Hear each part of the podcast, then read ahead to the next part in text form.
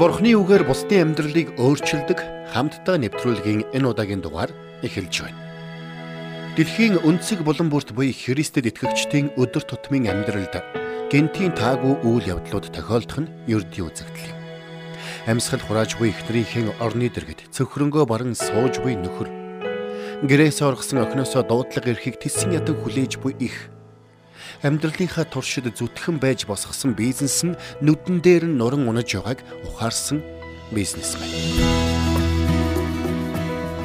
Ийм байдалд орох үедээ бид хамгийн түрүүнд Бурхан минь та хаана байна хэмээн дуу алддаг. Магадгүй та яг одоо ч ийм нөхцөл байдалд орчихсон байж болох юм. Тэгвэл Христэд итгэгчид бид зовлон шаналл дундаа хизээж цор ганцаараа зогсдөггүй гэдгийг доктор Стенли бидэнд сануулж байна. Хэрвээ танд бурхан эцгийн тань урам зориг, тайлхарлын үг хэрэгтэй байгаа бол өнөөдрийн дугаарыг маань анхааралтай сонсож бидний итгэдэг бурхан бол биднийг тайлгаруулдаг бурхан гэдгийг олж мэдээрэй. Ингээд хамтдаа доктор Стенлиг өгтөн авцгаая.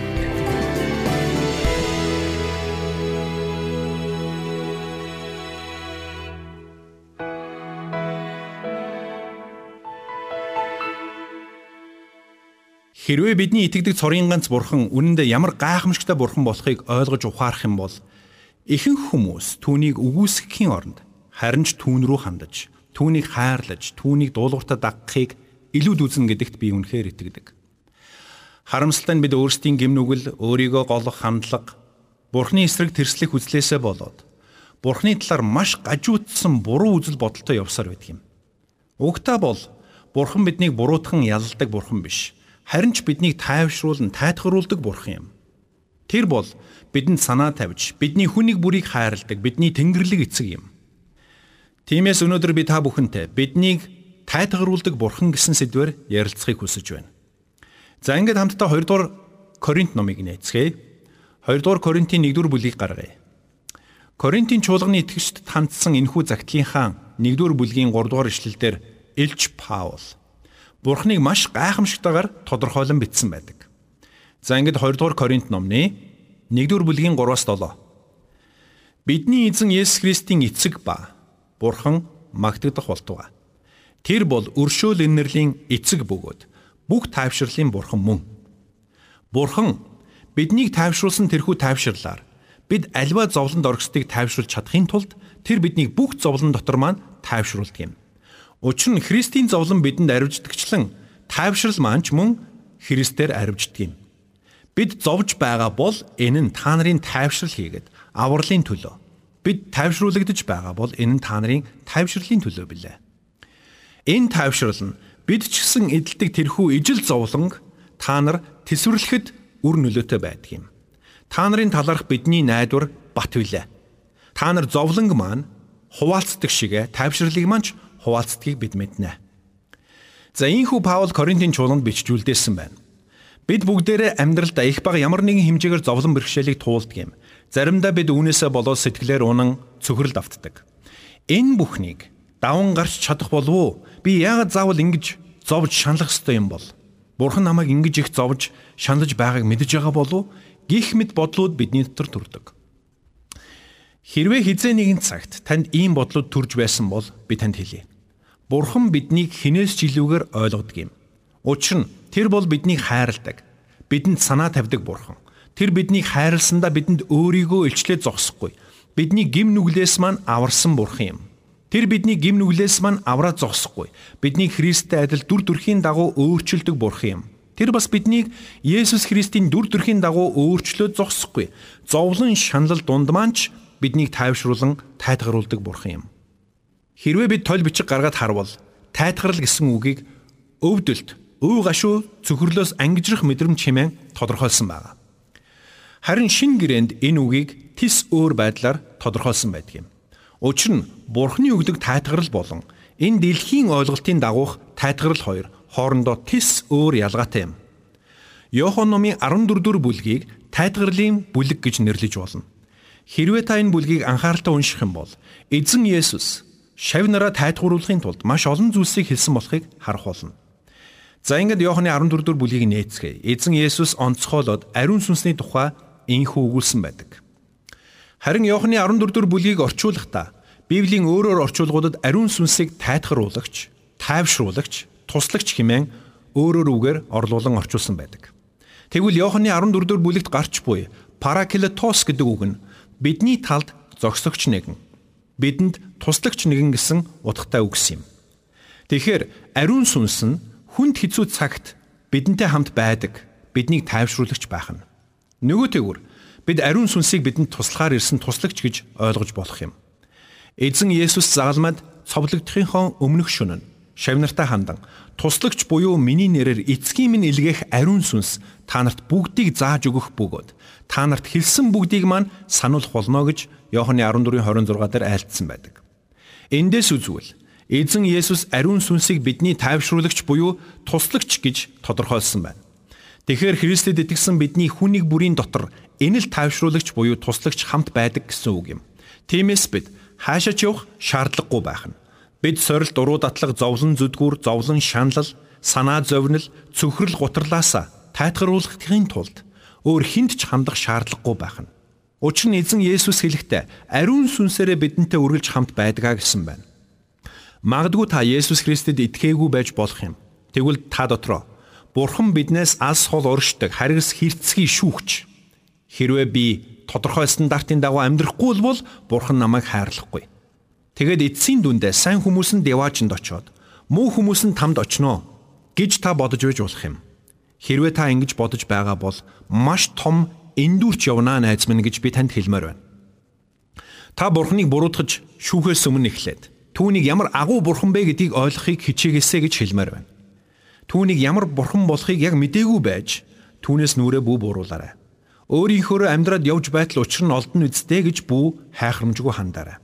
Учир нь таны амьдралд юу тохиолдохыг та мэдэхгүй шүү дээ. Найз минь, өнөөдөр чи бурхан эцгийн өршөөл нэгүслэр амьдрч байна. Таныг хайрладаг тэр бурхан эцэг таны амьдралд гайхамшигтай зориг төлөвлөгөөг бэлдсэн байгаа. Тэр таныг өөрийнхөө бүрэн потенциалдаа хүрч чадсан бялхам дүүрэн амьдралтай нэгэн болоосой гэж хүсдэг юм. Зөвхөн таныг ч биш, бидний хүн нэг бүрийг Бурхан ин хайрладаг юм. Тиймээс та түүнийг хүлээж авах эсхээс үл шалтгаалаад Бурхан таныг инхүү хайрладаг гэдгийг та ойлгоорой. Тэр таныг одоо ч хайрласаар тэр таны амьдралын нэг хэсэг болохыг одоо ч хүсэн хүлээсээр байна. Тэгвэл тэр агуу Бурхан өөрт нь ингэж гэр бүлийнх нь гишүүн болсон хайртай хүүхдүүдэд хэрхэн тайтгаруулан тайвшруулдаг юм бэ? Ингээд хамтдаа 2 дугаар Коринтын 1 дугаар бүлгийн 3-аас 4-ийг гаргаад харъя. Бидний эзэн Есүс Христийн эцэг ба Бурхан магтагдах болтугай. Тэр бол өршөөлийн эцэг бөгөөд бүх тайвшрлын Бурхан мөн. Бурхан биднийг тайвшруулсан тэрхүү тайвшрлаар бид аливаа зовлонд оргистыг тайвшруулж чадахын тулд тэр биднийг бүх зовлон дотор маань тайвшруулдаг юма гэсэн байгаа. Эндээс харвал Бурхан хайртай хүүхдүүдээ өөрөө тайвшруулдаг байна. Тэр биднийг тайвшруулахын тулд Тэнгэрлэгчээ илгээдэггүй. Харин өөрөө биднийг тайвшруулдаг юм. Тиймээс ч Илч Паул Бурханыг бүх тайвшрлын бурхан мөн гэж хэлсэн байгаа юм. Тийм ч учраас эзэн Есүс дээврийн өрөөнд байхдаа шавнартаа хандаж ингэж хэлсэн. Харин туслагч буюу миний нэрээр эцгийн минь илгээх ариун сүнс та нарт бүгдийг заах бөгөөд та нарт хэлсэн бүгдийг минь сануулах болно гэж айлтсан байдгийг. Тэгэхээр та бид Есүс Христэд итгэж биднийг аврагчаа болгон хүлээн авсан тэрл мөчөд Бурхны гурвлын нэг бодгал болох ариун сүнс бидний дотор нутгалдаг байх нь. Эцэг бурхан болон хүү бурхан тэнгэрт заларч бүхнийг өдөрдөж байхад ариун сүнс итгэвч хүн нэг бүрийн амьдралд оршин тэдэнтэй үргэлж хамт байдаг байх нь. Ариун сүнс бол бидний багш. Ариун сүнс бол бидний туслагч. Тэр бидэнд бурханд үйлчлэх хүчийг өгч өөрсдийн хүчээр хийж чадхааргүй тэр бүх зүйлсийг бурхны хүчээр хийх боломжийг өгдөг юм. Бас ариун сүнс бидний дотор оршиж биднийг төгс тайвшруулагч болдго юм. Тиймээс Христэд итгэж бидний дотор төгс тайвшруулагч байдаг учраас бид энэ дэлхийн хүмүүс шиг тайвшрлыг ямар нэгэн зүйлсээс ирж хайх шаардлагагүй юм. Үл итгэгч хүмүүс санаа сэтгэлээ засахын тулд зарим нь арх дар сууж, хар тамхинд донтож, гэр бүлээсээ гадуур харилцаа үүсгэдэг юм. Зарим нь аялаж, зугаалж, өөрт байгаагаасаа илүү ихийг хүсэж сэтгэлийн зовлонгоо багч болов нэмгэлхийг хичээдэг. Тэгвэл бүх тайвшрлын бурхан буюу жинхэнэ тайвшрлын их сурулж болсон тэр бурхан ариун сүнсээрээ дамжуулан итгэвч хүн бүрийн дотор оршдог гэдгийг Библиэд батлан хэлсэн байдаг юм. Биднийг ямар их зовж шаналж байгааг хинч ойлгохгүй байж болохч харин бурхан хэн бүхнээс илүү ойлгож байдаг юм шүү. Заримдаа бид гаднаа инээж байсан ч дотроо өөлж байдаг юм. Бид дотроо бурханд хандан бурхан минь би үүнийг төсч чадахгүй нь хэрв та надад туслахгүй юм бол урагш алхаж чадахгүй нь гэж хашгирч байдаг юм. Харин тэр бүх шаналл дунд бурхны ариун сүнс бидэнд чи үүнийг даван гарч чаднаа. Учир нь би чамтай хамт байх болно хэмээн шивэндэг юм.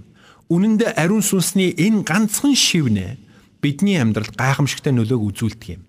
Тийм учраас эзэн Есүс ариун сүнсийг тайвшруулагч, туслагч хэмээн нэрлсэн юм. Үнэхээр ариун сүнс бол бидэнд туслахаар бидний дэрэгд зогсдог нэгэн билээ. Бидний амьдралд зовлон шанал тохиолдож бид уу гашууд автах үед бид яаж ч хичээгээд юу ч өөрчилж чадахгүй мэт санагдах тэр үед Бурхны оршихуй бидэнд үгээр илэрхийлшгүй тайвшрлыг өгдөг юм. Бурхан надтай хамт байгаа гэдгийг санах үед бид үгээр илэрхийлшгүй тайвшрлыг бид амсдаг юм. Мэдээж Бурхан биднийг маш олон арга замаар тайвшруулдаг. Гэхдээ хамгийн түрүүнд би үүнийг онцлохыг хүссэн юм. Учир нь Бурхан бидэнтэй хамт байгаа гэдгийг мэдэх нь бидэнд гайхамшигтай тайвшрлыг өгдөг юм. Алс хол хаа нэгтээ байдаг. Хол хөндийн нэгэн биш, харин бидэнтэй үргэлж хамт байдаг Эммануэль эзэн юм. Тиймээс найз минь хэрвээ чи Бурхныг чамаас алс хол байдаг хүүтэн хөндөй хатуу сэтгэлтэй нэгнэр төсөөлдөг бол чи Библийн Бурхныг таньж мэдээгүй байна гэсэн үг. Харин Бурхан биднийг үнэхээр хайрлаж бидэнд үнэхээр санаа тавьдаг юм шүү гэдгийг чамд ойлгуулахыг хүсэж байгаа юм шүү дээ. Библийн Бурхан бол биднийг ямар байхаас ч үл хамааран таныг хайрлаж санаа тавьдаг гэдгийг ойлгоорой. Бурхан өөрийгөө атеист гэж нэрлэж болно. Агностик үзэлтэн ч гэж үзэж болно. Та Библиэд итгэдэггүй байж болно. Тэр битгий хэл та юунд ч итгэдэггүй байж болно. Гэхдээ би танд хэлье. Та ямар ч байдалтай байсан. Таныг хайрлах Бурхны хайр өөрчлөгдөхгүй. Тэр биднийг хайрладаг учраас тэр бидэнд санаа тавьдаг юм. Тэр бидэнд санаа тавьдаг учраас тэр биднийг зовлон шанал дунд ч тайвшруулдаг юм. Тийм ч учраас 2 дугаар Коринтын 1-ийн 4 дээр илч Паул хэлэхдээ тэр биднийг зовлон дунд маань тайвшруулдаг юм гэж хэлсэн байна. Үнэхээр зовлон шанал дунд маань Бурхан өөрөө биднийг тайвшруулдаг. Цаашилбал дууллын 119-ийн 50 дугаар ишлэлдэр Бурхан биднийг үгээрээ тайвшруулдаг талаар өгүүлсэн байдаг. Биднийг зовж шаналх үед Бурхан ариун сүнсээрээ бидэнд өөрийн үгийг сануулдаг юм. Тийнхүү Бурханы үгийг бид унших үед Бурханы үг бидний зүрх сэтгэлийг тайвшруулж бид Бурхантай өөртөө ярилцсан мэт болдго юм. Чухамда энэ шалтгааны улмаас бид Бурханы үг болох Библийг тогтмол уншиж байх учиртай юм. Заримдаа бид Библийг уншаад уншсан хэсгээ төдийлөн сайн ойлгодоггүй. Тэгээд бид дотроо энэ юу гэсэн үг юм болоо гэж бодоод өнгөрдөг. Гэвч тун удалгүй бидний амьдралд ямар нэгэн зүйл тохиолдоход Бурхан бидэнд тэр ишлэлийг сануулдаг юм. Тэгээд бид тэр ишлэлээр дамжуулан Бурханы хэлэх гэсэн санааг тодоос тод ойлгож авдаг. Тэгэхээр нэгдүгээрт Бурхан биднийг хайрладаг учраас бидэнд санаа тавьдаг учраас тэр өөрөө биднийг тайвшруулан тайтгаруулдаг нэгэн байх нь. Хоёрдугаарт таныг нэг зүйлийг маш сайн ойлгосоо гэж хүсэж байна. Тэр нь юу вэ гэвэл Бурхан биднийг одоо ч тайвшруулсаар байдаг. 2 дугаар Коринтын 1-ийн 3-аас 4-д Илч Паул юу гэж хэлснийг санаарай. Бидний эзэн Есүс Христийн эцэг ба Бурхан магтагцаар байх болтугай. Тэр бол өршөөлийн эцэг бөгөөд бүх тайвшрлын Бурхан мөн. Бурхан биднийг тайвшруулсан тэрхүү тайвшрлаар бид аливаа зовлонд оргсдгийг мөн тайвшруулж чадахын тулд тэр биднийг бүх зовлон дотор маань тайвшруулдаг юмаа гэсэн байна. Эндээс харуул Бурхан биднийг тайвшруулад өнгөрсөн биш. Харин одоо ч биднийг тайвшруулсаар байгаа гэдэг санааг илэрхийлсэн байна. Яагад гэвэл Бурханы ариун сүнс бидний дотор одоо ч бий. Йоханны 14-ийн 16 дээр хэлэхдээ би эцгээс гуйхад тэр та нарт өөр туслагчийг өгнө. Тэр нь та нартай үрд хамт байна гэсэн ийм учиртай юм. Тиймээс одоо бид Есүс өмнө намайг тайвшруулдаг байсан. Одоо болчихсон гэж хэлэх ямар ч боломжгүй юм. Учир нь Есүс Христийг аврагч эзнээ болгон хүлээн авсан тэр мөчөд тэр таныг Бурхны хүүхэд болгон хамгаалсан. Таны нэрийг хурганы амийн номонд үрд бичсэн. Та Бурхны хүүхэд болж ариун сүнс таны дотор нутаглаж ариун сүнсээр та тамгалагдсан. Бас тэр өөрөө биднийг хизэж орхихгүй гэдгээ амласан. Тэр бидэнд хэлэхдээ Би та нарыг өнчрүүлж орхихгүй гэж Роми 14-ийн 18 дээр би чамайг хизээч орхихгүй мөн чамайг хаяхгүй гэж Еврэ 13-ийн 5 дээр амласан юм. Тийм учраас л тэр бидэнд ариун сүнсөө өгч биднийг ариун сүнсээр тамгалсан юм. Тэр үнэхээр биднийг хайрладаг, бидэнд санаа тавьдаг, биднийг тайвшруулдаг бурхан. Бидний амьдралын тал бүрд Бурхан жинхнээсээ санаа тавьдаг юм. Бидний амьдралаас Бурханы санаа тавьдаггүй нэг хэсэгч гэж байхгүй. Бурханы хувьд чухал биш зүйл гэж нэг ч үгүй юм. Би үүнийг яаж мэдэх вэ гэж та бодож байна уу? Учир нь 2 дугаар Коринтын 1-ийн 4 дээр инхүү хэлсэн байдаг. Бурхан биднийг тайвшруулсан тэрхүү тайвширлаар бид альва зовлонд оргстыг мөн тайвшруулж чадахын тулд тэр биднийг бүх зовлон дотор маань тайвшруулдаг юмаа гэсэн байгаа. Энэ нь юу гэсэн үг юм бэ? Бурхан биднийг тайвшруулдаг нь цаана хоёр шалтгаантай. Эхний шалтгаан нь бидний төлөө хоёр дахь нь бусдын төлөө. Тийм учраас Илч Паул хэлэхдээ Бурхан биднийг тайвшруулдаг нь бид бусдыг тайвшруулахын төлөө юм а гэсэн байгаа юм. Өөрөөр хэлбэл Бурхан биднийг тайвширлыг тээгчд болгодог гэсэн үг. Биднийг бусдыг яллагчд биш, бусдыг буруутгагчд биш, харин бусдыг тайвшруулагчд байгаасаа гэж Бурхан хүсдэг байх нь. Тиймээс бид бусдад Бурханы тайвшралыг дамжуулснараа тэдэнд Бурханы хайрыг мэдрүүлдэг юм. Бидний дотор буй бурхан биднээр дамжуулан өөрийн оршихуйг илэрхийлж эхлэх үед бид бусдад маш хүчтэй нөлөөг үзүүлж чаддаг гэдгийг бид маш сайн ойлгох хэрэгтэй. Тиймээс бид бурханы тайвшралыг бусдад дамжуулагчд болох нь чухал юм. Ингэхдээ бид өөрсдийнхөө бодол санаагаар бус харин ариун сүнсээр дамжуулан аливааг хэлж ярих нь чухал байдаг юм. Учир нь Лух номын 12-ийн 12 дээр юу хэлэх ёстойг чинь яг тэр цагт ариун сүнс та нарт зааж өгнө гэсэн байдаг. Зарим тохиолдолд бид хэн нэгэн заавал үг хэлэх шаардлагагүй байдаг юм. Бид тэдэнтэй хамт байгаа нь л цаад хүндээ маш том тавширлыг өгч байдаг юм. Заримдаа бид зүгээр л тэр хүний гараас бариад чи үүнийг даван гарч чаднаа. Бүх зүйл сайхан болноо найз минь. Би чиний төлөө залбирч байгаа шүү гэж хэлэхэд л хангалттай байдаг юм. Заримдаа бурхан биднээр дамжуулан хэн нэгнийг тайвшруулан тэрхийг хүсдэг юм. Тэднийг чин сэтгэлээсээ тэрвэрэд юу ч болж байсан би чамтай хамт шүү. Надад найдаж болно шүү гэж хэлээсэй гэж хүсдэг юм. Учир нь Бурхан биднээр дамжуулан бусдыг тайвшруулахыг хүсдэг юм. Угтаа бол бид бусдад тайвшралыг түгээх үедээ биднээр дамжуулан ариун сүнс ажиллаж байдаг юм. Тинхүү ариун сүнс тэр хүмүүсийг тайвшруулах үед тэд ямар ч хүнээс авч чадахгүй тэр гайхамшигтай тайвшралыг хүлээж авдаг юм. Тиймээс Бурхан биднийг зовлон бэрхшээл дунд маань тайвшруулан тайтгаруулдаг нь нэгдүгээрт бидний зовлон шаналлыг нэмгэлж бидний өвөг ашиг тайлахын тулд байдаг юм. Хоёрдугаарт биднийг бурхны тайвшралыг дамжуулагчд болохын тулд байдаг юм. Тиймээс 2 дугаар Коринтын 1:14 дээр дахин уншиж өгье. Бурхан биднийг тайвшруулсан тэрхүү тайвшрлаар бид альва зовлонд оргсдгийг мөн тайвшруулж чадахын тулд тэр биднийг бүх зовлон дотор маань тайвшруулдаг юм а гэж Паул бичсэн байна. Тэгвэл хамтдаа цааш нь үргэлжлүүлээд 2 дугаар Коринтын 1-ийн 5-ыг нь харъя. Учир нь Христийн зовлон бидэнд арвиждагчлан тайвшралмаач мөн Христээр арвиждаг юм. Паулын энд хэлэх гэсэн гол санаа бол бидний зовлон шанал хичнээн их байсан ч Бурхны тайвшрал хизээд хангалттай байдгийм шүү гэсэн санаа юм. Бид хичнээн их шаналж, хичнээн их цөхөрсөн ч Есүс Христ ариун сүнсээрээ бидний хизээд бэлэн дүүрэн тайвшруулж чаддаг юм. Тийм учраас л Христэд итгэгчд бид зовлонгоо мартах гэж арх дарс хар тамхи зугаа цэнгэлийн хойноос хөөцөлдөх шаардлагагүй байдаг юм. Мэдээж бид амьдралдаа тулгардаг зовлон шаналлыг хөнгөн үзэж болохгүй л дээ.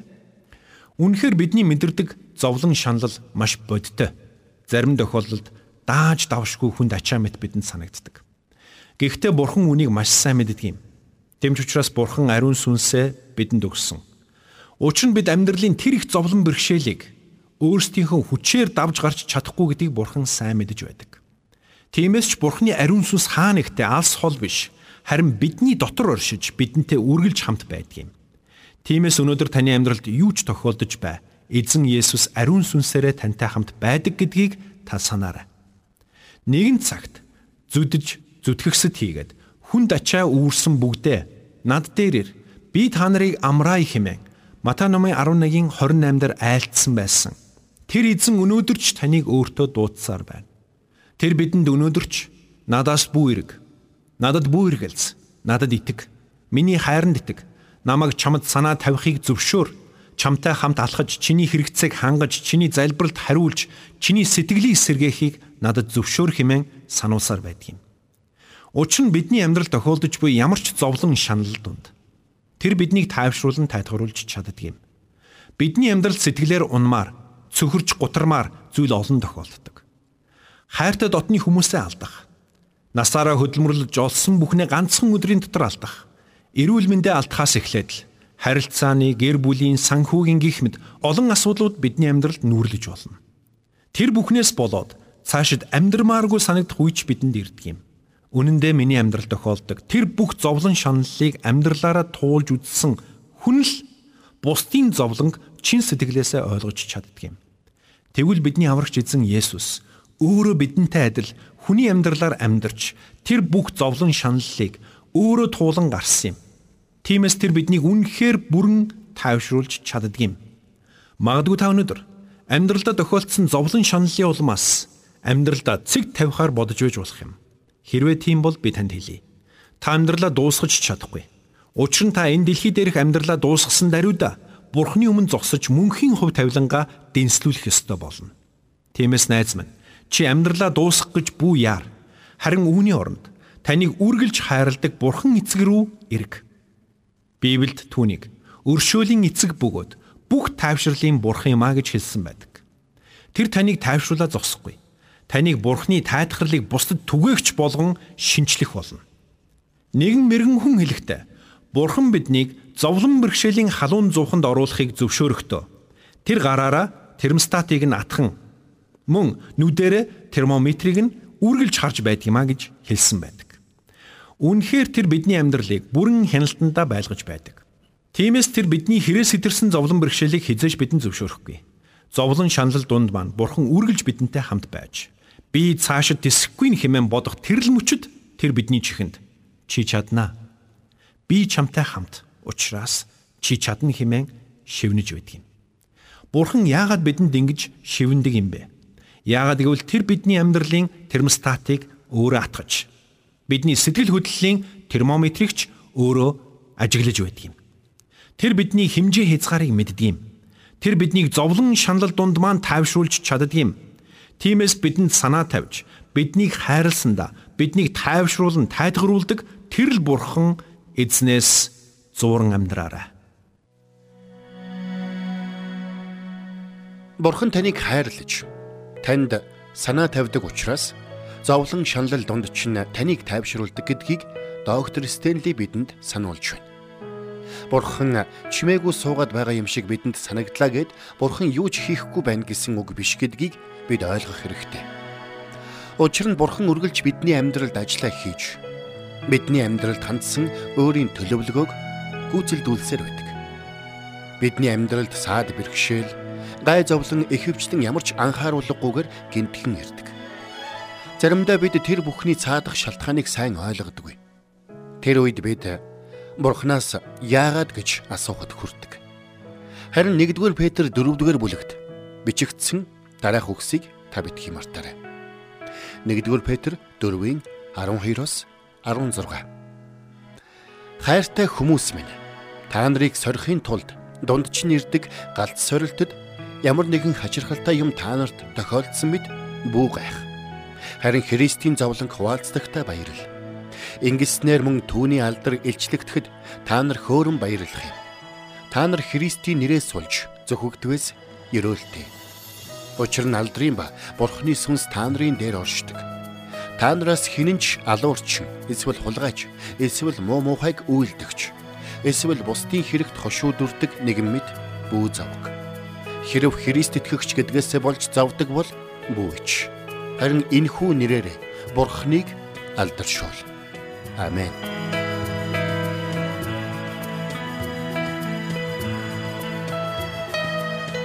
Бурханд тэмүүлсэн сэтгэл хүмүүсийг энэрх зөрхөөр амьдрахад туслах номлогч доктор Чарлз Стенлигийн хамттай нэвтрүүлэг сонсогч танд хүрэлээ. Нэвтрүүлгийг дахин сонсохыг хүсвэл ихтгэл радиоцик.com-оор зочлоорой. Бидэнтэй холбогдохыг хүсвэл 8085 99 тэгтэг дугаард хандаарай.